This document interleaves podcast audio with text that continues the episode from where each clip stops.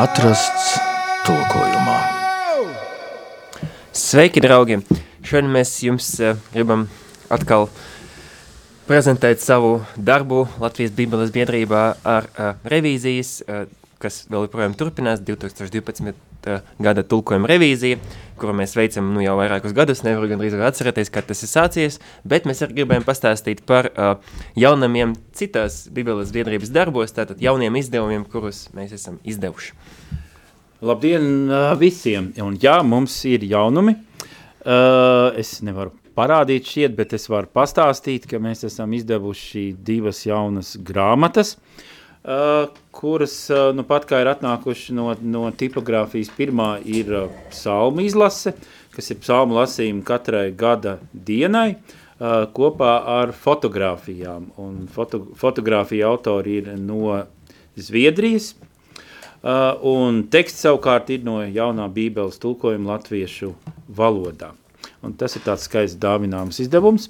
Un arī iepriekšā reizē es stāstīju par to, ka tuvojās arī Latvijai Holandē izdota uh, bībele ar ielikni. Uh, no, no redaktoras iemācījos, kad uh, to sauc par, par ielikumu patiesībā Tā kā tā laikam būtu korekti jāsaka, tātad bībele ar informatīvu ielikumu, ieliknes esot tas, ko ieliek iekšā, un tad viegli var izņemt ārā, bet tātad tas ir uh, bībeles teksts jaunajā tulkojumā, uh, ar no vācu valodas tulkotu tādu īsu ievadu bībelē, uh, kas arī uh, ir, nu, cerams, atraktīvā veidā, uh, ar, ar attēliem un arī ar tādiem vienkāršiem skaidrojumiem par to, uh, kā ir tapusi Bībele un kas ir tās galvenais, galvenais vēstījums. Nu tā, tie būtu pāris mūsu uh, jaunumi. Es gribēju tikai piebilst, ka ļoti pozitīvi, ka grāmatas sākumā ir tāda uzskatāma materiāla, kas ļauj lasītājiem iepazīties ar to pašu nepieciešamāko informāciju gadījumā, jūs esat tikai uz jūs, varbūt eh, savā kristiešu, piemēram, ceļā, tad tas varētu būt ļoti nodrīgi un nebūtu jāmeklē eh, informācija par dažādām eh, citām vietām. Turpinājumā mēs parunāsim par mūsu komisijas darbu. Šajā laikā notikušas ir uh, divas sēdes, mēs ik pa divām nedēļām tiekamies, un uh, pēdējais, ko mēs izskatījām, bija pirmā makabēja grāmata un arī pēdējā reizē paspējām arī Jeremijas vēstuli, kas ir pazīstama arī kā Baruha grāmatas sestās nodaļas teksts. Nu jā, un droši vien tad mēs sāksim ar to, ka pabeigsim stāstīt par uh, pirmo makabējumu, tad beigās arī par Jeremijas vēstuli, kas ir fantastisks teksts, kurā ir uh, vienīgā vieta bībele, kur ir pieminēti gan kaķi, gan gurķi. Un tā kā kad, kad, kad ir tāds joks par to, ka kaķi baidās no gurķiem, bet eh, šajā, šajā tekstā viņi gan ir sastopami. Nu, lieliski. 2012. Eh, gada tulkojumā pirmā makabeja grāmatas sestās nodaļas 17. pants skan šādi. Kad Lizijs uzzināja, ka ķēniņš ir miris, viņš iecēla par ķēniņu ķēniņa dēla Antiohu, ko bija audzinājis no mazotnes un deva tam vārdu – eipators. Nu jā, šeit mums radās tāda ideja, ka mēs varētu, ša, tas, tā nav vienīgā vieta, kur tiek nosaukts kāds valdnieks un viņa arī tituls, tātad šeit šis te eipators. Mēs izlēmām, ka vajadzētu skaidrot šādas vietas un ielikt piezīmes, lai saprastu, ko tas eipators īsti nozīmē. Un konkrēti eipators ir epitets, eh, kas apzīmē, eh, tā teikt, dzimis no laba tēva, tad no dišciltīgi, no Eh, tēva, kas nebija tikai šim Antioham tāds tituls, bet vairākiem um, helenistiskajiem, jeb uh, jā, valdniekiem bija tādi tituli, kas bija diezgan tipiski viņiem. Krimā ar tādu pilsētu. Jā, epatorija. Epatorija, jā. jā. Jā, tas starp citu interesanti, ka tie valdnieki, kas uh, valdīja tad, tad, uh, nu, mūsdien tuvojos austrumos, bet bija pēc izcelsmes grieķi, viņi gribēja valdīt ar tādu austrumiem raksturīgu vērienu, un tāpēc arī šādi vārdi, kas raksturoja viņa darbību, nebija nekāds retums. Starp citu, ja runājam par makabēju grāmatām, tad tur otrā makabēju grāmatā, piemēram, bija arī vārds Makrons, piemēram, arī, vai šeit, un arī otrā makabēju grāmatā bija arī Epifāns, tad, tad, tas, kurš... Jā. Nu, Makrons tas ir lielais. Lielais, jā. Lielais, jā. Epifāns ir tā kā, nu, varētu izprast, vai nu kā viņš kā dieva, uh, Uh, dievu izrādoši vai vienkārši jā, nu, nu, slavējams. Jā, jā. jā. nu, tā kā ne, negluži obligāti dievs, bet jā. uh, Tāds. Nu, ķēniņiem parasti jau mēdz pievienot tādus nu, vārdus, kas viņi, piemēram, ir Ivans Bargais, jā, nu, vai kaut kāda nu, savādāk tie epiteti pielikti klāt. Nu, šajā ziņā, jā, kā jūs teicat, tad tā vēlme, piemēram, ir runā par, par Ēģiptu, par Ptolemajiem, tad viņi skaidrs uzskatīja par eģiptiešu faraonu. Tad, tad, šīs tradīcijas turpinātājiem, un arī tāpēc arī šī tradīcija faktiski iegāja. Nu, ko skatām tālāk? 2012. gadā 1. makabeja 11. nodaļas 16. pants. Tad Aleksandrs bēga uz Arābiju, lai patvērtos tur, bet Ptolemais tika augstā godā. Jā, mēs esam šeit, ir, respektīvi, tās makabēja grāmatas, ir, viņi, tajās ir daudz dažādu tādu kultūras atsauču uz kaut kādām lietām, bet šeit uzreiz varētu padomāt, ka Arābija ir Arābijas pussala, tātad, nu, tas, ko mēs šobrīd saprotam ar Arābiju. Bet būtībā viņš nebēga tur, bet viņš bēga uz kaut, viet, kaut kādām vietām, kas ir aptuveni kaut kur Sīrijas tūkstnesī, iespējams. Respektīvi, tur dzīvoja tās tiltis, kuras sauc, sauc par Arābiem, bet tā nav tā, tā Arābija, kura um, mūsdienās ir domāta, un līdz ar to mēs nomainījām šo Arābiju uz Arābu zemēm, lai tā neitrāli to norādītu. Vai nebija tā, ka vārds Arābs nozīmē kaut kāds nomads, klejotājs? Bija kaut kāds tulkojums tam vārdām Arābs. Man kaut kā viņā ir. Nu jā, viņš tur centās nokļūt. Sestās nodaļas 28. pantā 2012. gada tulkojumā bija šādi, kad ķēniņš to izdzirda, Viņš iedegās dusmās un saicināja visus savus draugus, karaspēka vadītājus un visus, kam vara. Un pieņemtajā variantā mēs nolēmām šos te uh, vadītājus, nu, šos te uh, militāros terminus uh, parediģēt tādā veidā, ka uh, nevis draugi, bet pietuvinātie, tur vēl bija alternatīvs variants sabiedrotie, un arī kas attiecās uz šiem te vadītājiem un, un visiem, kam ir vara, mēģinājām precizēt, ka tie tomēr ir saistīti ar konkrētām karaspēku vienībām, tad kājnieku un jātnieku virsnieki. Jā, šajā piemērā tas visi, kam vara, tas ir uh, respektīvi ne, nav, nav iztulkota kaut kāda idioma, kas uh, norāda uz jātnieku vadītājiem. Tie ir tie, kam, va, kam ir vara, nevis kaut kāda vispārīga. Un līdz ar to ar tiem draugiem principā tāpat doma, jo mm, nu, nevis tie, tie nebija visi, visi ķēniņa potenciāli draugi, kas viņam varētu būt, bet, protams, nu, ķēniņa draugi jau arī ir noteikti cilvēki, kas ir viņam pietuvināti un kuriem ir vara, bet draugs ir tāds varbūt plašāks termins un nav tik precīzi. Nu jā. Nākamajā, kas ir 7.13, eh, mēs eh, vēl vienu precizējumu uz, izte, uztaisījām, respektīvi tur bija tā.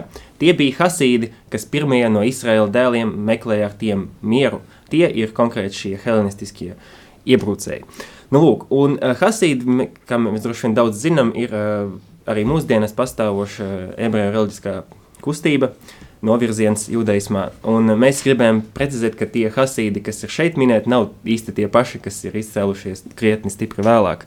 Um, nu jā, mēs viņus pārdevējam par hasidējiem. Tātad līdzīgi tam, kā tas skan uh, uh, uh, grieķu tekstā. Nu, kaut kāda mantojuma tur jau ir, ka ir kaut kāda, ka viņi nu, senči. nu, tā, tā ir tāda, jā, zinām, tāda problēma, jo um, arī viduslaikos bija kustība Vācijā, Reinas ielā. Um, um, dzīvoja, un tad uh, viņi arī sev devēja par hasīdiem, bet nu, skaidrs, ka uh, tas ir saistīts ar viņu dievbijīgumu šajā gadījumā, varbūt tiešām, lai nošķirtu to to, kā to lieto mūsdienās, attiecībā ļoti specifiski jūdaismu novirzienu, tad šāds varbūt līdzīgs skanošs vārds, bet um, ar nelielu niansu, līdzīgi kā saduķēji šeit arī Hasidē. Nu jā, taisnie kaut kur tādā, jā. jā, taisnie tā. Septītās nodaļas 30. pāns 2012. gada tulkojumā. Taču jūdam kļuva zināms viņu nodoms, ka viņi nākušie ar viltu. Tādēļ jūdas sabijās un negribēja vairs redzēt viņa vaigu. Jā, šo, šo sabijās uh, bija, ideja bija, ka Jūdens viscaur šai grāmatai ir attēlots kā ļoti drosmīgs vīrs, tātad, kas tur vienā patiesībā tikai brīdi viņam kā tur sašļuka duša. Vai... Jā, par to mēs arī varam. jā, jā, nu lūk, un te, te es sabijās attēlo viņu kā tādu, nu, mazliet spēcīgi, pārāk spēcīgs vārds. Tāpēc mēs sabijās pārveidojam par piesargājās. Ja, tātad, jū, tādēļ jūda piesargājās un vairījas no viņa, no mm, konkrēti šiem ienaidniekiem.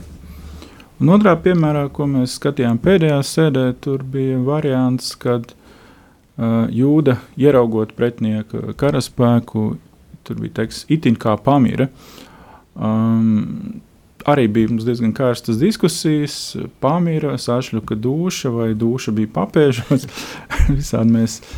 Uh, bet beigās no, nolēmām, ka pamira, bet ka viņa sirds pamira nevis viņš pats itin kā pamīra, bet kad viņas sirds eh, pamīra. Tas, eh, tas būtu tāds um, labāks risinājums, kas šo īslaicīgo uh, reakciju uz to, kas notika, parāda. Nu jā, Jūda Makabējs bija drosmīgs, bet vienlaikus arī tāds nu, racionāls un realistisks, ka viņš arī nu, redzot pārspēku, viņam arī bija emocijas, un tas arī šajā grāmatā parādās. Uh, 8. nodaļas 8. pantā 2012. gada lasījums bija šāds. Arī Indijas, Mīdijas un Līdijas zemes, kas bija viņa augstākie apgabali, tos viņš nodeva ķēniņam Einomijam. Jā, savā būtībā tas, ko mēs mainījām, ir tikai tas ķēniņa vārds, jo viņš patiesībā grieķu tekstā saucas par eimenu. Bet uh, kas ir interesants šajā pantā, ir tas, ka uh, Indijas un Mēdijas uh, zemes patiešām neatrodas ļoti pārāk tuvu tā, tam apgabalam, pa ko valda valdītas ķēniņš. Un, Mēdija ir kaut cik tuvu, bet Indija ir, ir tā, sevišķi tā Indija, par kuru mēs arī mūsdienās runājam, atrodas krietni tālu. Viņa nekādā veidā nevarēja piederēt uh, šiem ķēniņiem. Plusā, ja mēs atceramies vēsturi, tad pats Aleksandrs tā arī nenonāca, no Maķedonijas Aleksandrs tā arī nenonāca līdz Indijai. Tā kā nodot Indiju kādam būtu pavisam neiespējams, tur bija vairākas teorijas par to, kas tad bija domāts. Vai šeit teksts ir kaut kā sabojājies, ka viņi domāja e, tuvākas provinces, piemēram, Ionija un Līsija vai kaut kādas citas, bet mēs izlēmām tomēr atstāt šādi un droši vien tāpēc, ka tas jebkuras, jebkur, jebkurš minējums būtu tikai minējums, kas, kas nāk no, no mums vai no pētniekiem. Bet, uh, no Indijas acīm redzot, bija tā Indas upe. Viņš tur labajā krastā viņš nešķērsoja to upi. Nu, tas tagadējais Pakistānas teritorija, bet jā, viņš pāri Indas upē negāja tur, kur bija nu, varbūt tiešām labākie tie gabali, bet nu, jā, šeit ir viņi pieminēti. Tā tas ir. Tas ir par pirmo makabēju, un es domāju, ka tagad varētu arī kāda dziesma skanēt.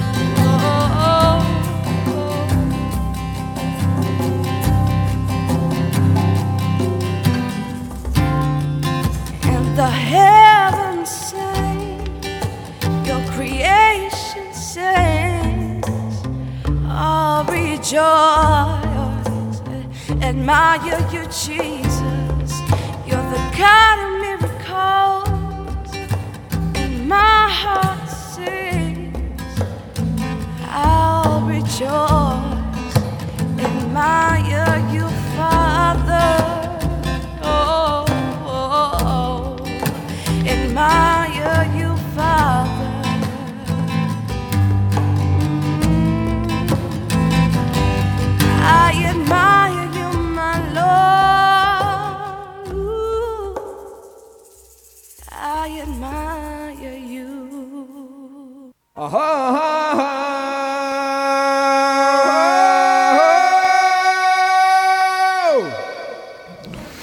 Nu tā, turpināsim mēs ar Jeremijas vēstuli.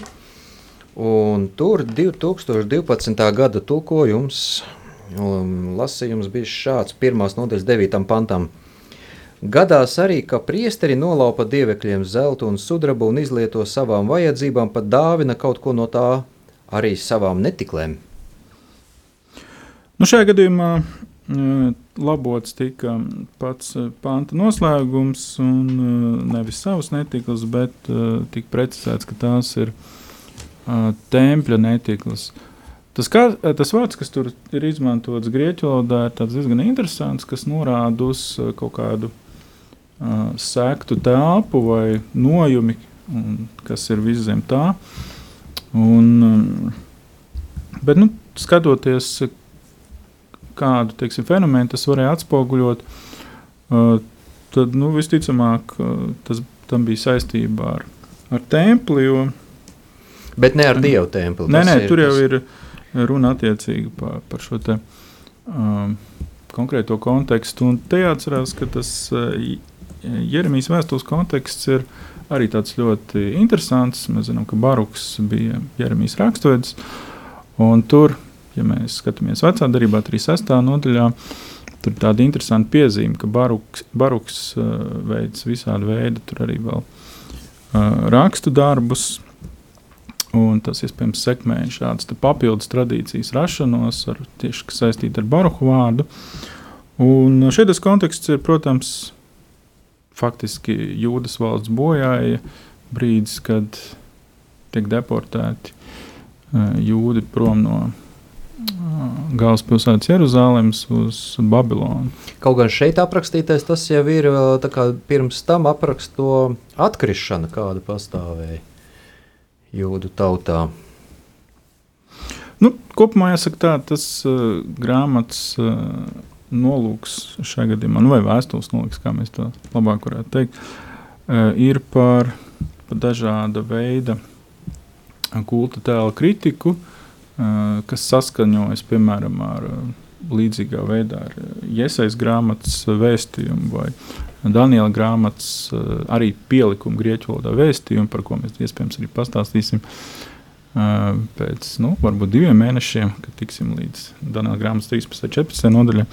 Tur arī līdzīgā veidā tiek kritizēts te, uh, priesteru mankārīgums, ka viņi daudz ko pie, piesavinās sev un pēc tam realizē uh, tādu piepelnīšanās. Nu, jā. Eh, Tālāk eh, šīs pašas Jeremijas vēstules, pirmās nodaļas 25. pants, eh, 2012. gada tulkojumā bija šāds: Tos bezkājainus nes uz pleciem, tā cilvēkiem parādot, cik tie ir nožēlojami, kaunu jūt arī viņu kulta kalpi, jo zemē nogāzušies dievekļi paši piecelties nespēja. Jā, kulta kalpi, es, es, protams, pats neesmu dzīvojis nekad padomju savienībā, bet tas gan man eh, uzreiz liec acīs kā tāds ļoti raksturīgs izteikums, kas saistās man tieši ar tiem laikiem, un mēs viņu pārlabojam par eh, šāda veida teikumu. Kaunu jūt arī tie, kas viņus apkalpo, eh, jo zeme nogāzušies, dievekļi paši piecelties nespēja. Tad, nu, te, protams, viscaur šajā vēsturē nāk kaut kāda em, kritika par šie, šiem elkiem, eh, kultiskiem dievekļiem, un visu laiku tiek atkārtots tas, ka viņi paši neko nevar. Tad ir vajadzīga tā apkalpe, kaut kāda komanda, kas viņus staipa apkārt, kas viņus notīra, kad viņi um, ir putekļiem pārklāti vai kā, kā dzīvnieki viņiem uzsēžās. Un, nu, jā, tāda. Mēs jau gribējām arī šo te tekstu tā smukāk piefrizēt, ja varētu tā teikt, bet beig beigās tur tas varēja radīt arī pārpratums, tāpēc mēs eh, tikai atstājam uh, to daļu uh, labot, kas attiecās uz šiem kulta kalpiem. Un, Nu, jā.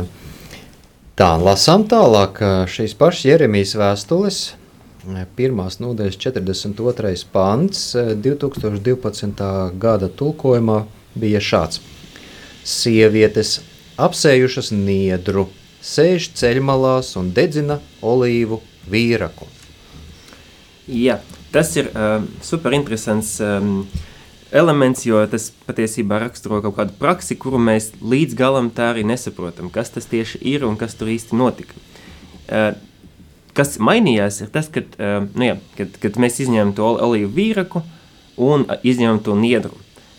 Katrā ziņā sievietes apsējušas jostas, sēž ceļmalās un kvēpina. Bet, nu, kas šī praksa ir, ir diezgan daudz visādi minējumu, un um, kaut kas līdzīgs ir atrodams uh, pie grieķu dzinieka viena.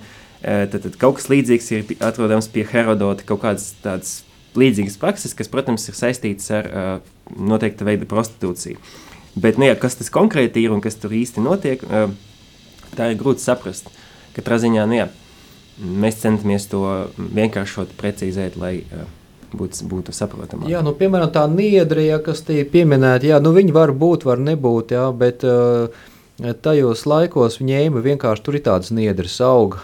Mm, Viņām var arī spieķus pat taisīt, bet ja viņas tā kārtīgi izdauza, tad viņas paliek tādas lokanas, jā, un tas ir tāds, kas sacīt, nu, materiāls, ko var izmantot apjost, bet tā kā mums tāda grūti ir iztēloties, jā, nu, tāpēc jau labāk jau teikt, ka apsejušas sniedri, nevis jos. Un tāpat tas ir par to vīraku. Ja nu olīvas jau it kā tur arī varētu būt, ka viņas tur, tur arī tā diskusija bija, vai tas ir olīvu kauliņas, tur kaut kādā veidā viņas tur ir dedzinājušas, kvēpinājušas, dūmojušas, jā, bet nu beigās atstājām vienkārši, ka viņas kvēpina. Un... Un otrs variants bija, ka um, pēlavas vai, vai klijas.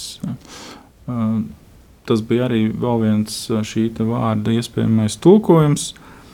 Um, arī nezinājām, vai tas būtu tā labāk, jo klīs arī var radīt pārpratumus, it sevišķi, ja cilvēks vairāk ar ornitoloģiju nodarbojās. Uh, Bet kvēpina atstāja pietiekami atvērtu šo te, pantu. Un skaidrs, jā, kā jau te pieminēja kolēģi, tas, tas norāda uz šādām te, rituālām praksēm tajā laikā. Jā, nu, mums te vēl ir pēdējais pāns, jā, par gurķiem. Jā, pirmās nodaļas 69. Nu, 2012. gadā uh, tulkojumā tas bija šāds. Gluži kā biedēklis sakņu dārzā, kas tur neko nenosargā, tā arī viņu dievekļi ir no koka apzeltīti un apsudraboti. Dievekļi kā ērkšķu krūms vai mironis. Nu, jā, te ir pat veselas lietas, divas, ko, eh, ko, par kurām var pastāstīt, bet nu, sāksim ar to, kas sanāca. Sanāca eh, gluži kā biedeklis gurķu laukā, kas tur neko nenosargā, tā arī viņu dievekļi ir no koka apzeltīti un apsudarboti. Punkts. Un nu, jāsaka ar to, ka tā, tā pēdējā frāze, kas tika nosaukta dievekļi kā ērkšķu krūms vai mironis, tai vispār tur nevajadzēja būt. Un mans minējums ir, ka tas bija domāts kā um, kaut kāds apakšnodaļas virsraksts, bet uh, kas palika tekstā kā daļa no teksta, un, un tas sanāca, ka neviens to arī nepamanīja. Un uh, neviens arī par to nekad nerakstīja, nesūdzējās, tā kā izskatās, ka Jeremijas vēstule nav pati populārākais, te, nav pats po- populārākais teksts mm, mūsu tulkojumā. bet jā, tā frāze gan ir lieka. Bet kas tad ir ar tiem gurķiem? Nu šo, šobrīd bija tad, tad sakņu dārsts 12. gada tulkojumā, bet uh, precīzāk būtu gurķu. Nu, jautājums, kas tas ir dārs vai dobe vai vēl kaut kas. Uh, līdzīgs izteikums uh, sastopams arī vecā darbā, iesaistīts grāmatā, iesaistīts grāmatas sākumā. Tur ir liet, lietots šis apzīmējums par kurķu laukiem. Un, tāpēc palikām pie nu jā, ordinátor Varbūt par pašiem gurķiem vēlaties papildināt. Nē, nu, gurķiem, ko var pateikt, eh, Vispār tulkotāji iesaka to šeit varbūt ne, ne, neiespringt ar tiem gurķiem, nu, sevišķi, ja tas ir, mēs runājam par kādu valodu, kurā tie gurķi varbūt nav tik aktuāli. Bet katrā ziņā mums tad eh, gurķis ir diezgan tāda mm, aktuāla lieta Latvijā un varētu, protams, eh, tā ir precīzi pateikt, gurķu, gurķu lauks. Bet ir kaut kāda atšķirība drusku, ka tas varbūt nav gluži tas gurķis, ko, ko var Rimī veikalā atrast, tas ir tāds drusku lielāks gurķis, kas, eh, kas dzīvo tieši tajos te, eh, tuvajos austrumos. Un... Pusceļā uz melonu kaut kur. Nu, jā, tāds uh, pamatīgāks gurķis, kas, no kura var uh, patiesībā normāli paēst un um, dzīvot. Mm. Nu, jā. Nu, tajos uh, platumgrādos, protams, tas ir tāds arī atvildzējošs augs, ko tu vari, kas ūdeni var uh, viegli aizvietot. Uh, interesanti, ka turpat tālāk, uh, 17. pantā, arī tas tiek turpināts. Tur šis salīdzinājums tiek tālāk attīstīts par to, ka šie dievekļi līdzinās ērkšķu krūmām, dārzā un putnu biedēji. Tas, tas bija Mironim. mironim, kas ir izmests Nu, jā, šeit ir tumsā. Šie elki ir pamatīgi tā, nu, apsaukāti. Ja, gan par biedēkļiem, ja, gan par to ērkšķu krūmu, gan par to mironu. Vienmēr saku, ka tie ir kaut kas tāds nu, ļoti slikts un nelabs. Jā, starp citu, atgriežoties pie tiem gurķiem, tik tiešām kāds arī iesaka tos tulkot, ja gurķi nav nu, pazīstami, var tos tulkot arī kā patiesībā melonas. Tāds arī piedāvājums kādā angļu tulkojumā pastāv. Nu, jā, tā bija. Tev mēs apskatījām gan pirmā makabeja grāmatas pantus, gan arī Jeremijas vēstules pantus, kuri tika aplūkoti un redaktēti. Tie būtu precīzāki. Varbūt ir vēl kādas, kādi komentāri, ko vēl varētu piebilst. Nu, jāsaka, tā, ja, ja runā par makabeju grāmatām, tad um, šie teksti jā, vairāk runā par tā laika um, vēsturiskiem notikumiem. Ļoti daudz tur ir um, šo kara aprakstu, bet nu, var redzēt, ka priekš uh, jūtautas tas bija nozīmīgi, jo tas tomēr runā par viņu pašu valsts atkal izveidošanu pēc diezgan ilga laika posma. Tad, tad mēs pieminējam arī Jeremijas vēstules gadījumā, ka tas teksts apraksta jūdas valsts bojājumu. Hasmanai valsts pēc vairākiem gadsimtiem uh, tika atjaunot ar pašu valdnieku priekšgalā. Jā. Nu, cik liels tas darbs vēl ir, cik vēl ir jāpaveic, un kad tad beidzot būs tas jaunais Bībeles izdevums? Uh, nu, priekšā mums ir tādas diezgan nopietnas grāmatas, uh, Jēzus ir grāmata un Salmana gudrības uh, grāmata, kā arī dažādi pielikumi, kas ir papildus vecās darības tekstiem, vēl grieķu valodā, bet nav uh, senebreju valodā atrodami. Tas nozīmē, ka nākamā gada otrā pusē droši vien mēs varētu cerēt, uh, Jau šķirstīt un makets lasīt. Makets jau ir tapis arī jaunajai derībai, tā kā, tā kā mēs sāksim maketēt. Būs jaunā derība atsevišķi vai viss kopā? Kā Nē, domā, ir? pirmā sākumā viss būs kopā, jā, droši vien. Ar visiem tā. apokrifiem, nevis tās deuterokanoniskām grāmatām. To šobrīd grūti atbildēt. Tas jautājums, kā mēs pagūsim samaketēt viņus, cik ātri tas viss notiks. Bet uh, ideālā gadījumā divos izdevumos uzreiz, tāpat kā bija 12. gada izdevumi, jāskatās. Jā. Paldies, uh, kolēģi, jā, par dalību šajā raidījumā un uz tikšanos klausītāji citreiz. Lai Dievs sveitī! Paldies jums! Paldies! Visu labu!